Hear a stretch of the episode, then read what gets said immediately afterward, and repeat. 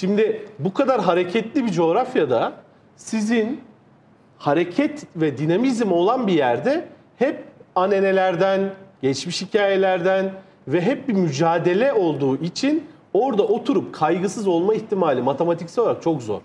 Kaygının olduğu yerde de yine hocamın ifade ettiği gibi güveni sağlamak çok zor.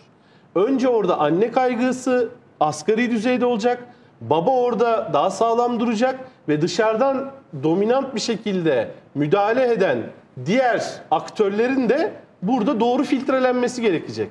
Aslında bu coğrafyada bayağı zor bir şey güven sağlamak ve çocuk yetişiminde özellikle. Bunlar zaten sağlandığı takdirde tabii ki ilerleyen yaşlarda yani o çocuk mesela bir kız çocuğuysa belki o güveni çocukluğunda alamadığı güveni kocasında aramayacak ya da patronunda aramayacak ya da güçlü bir arkadaşında aramayacak ve o zaman hatalar et, yapmayacak.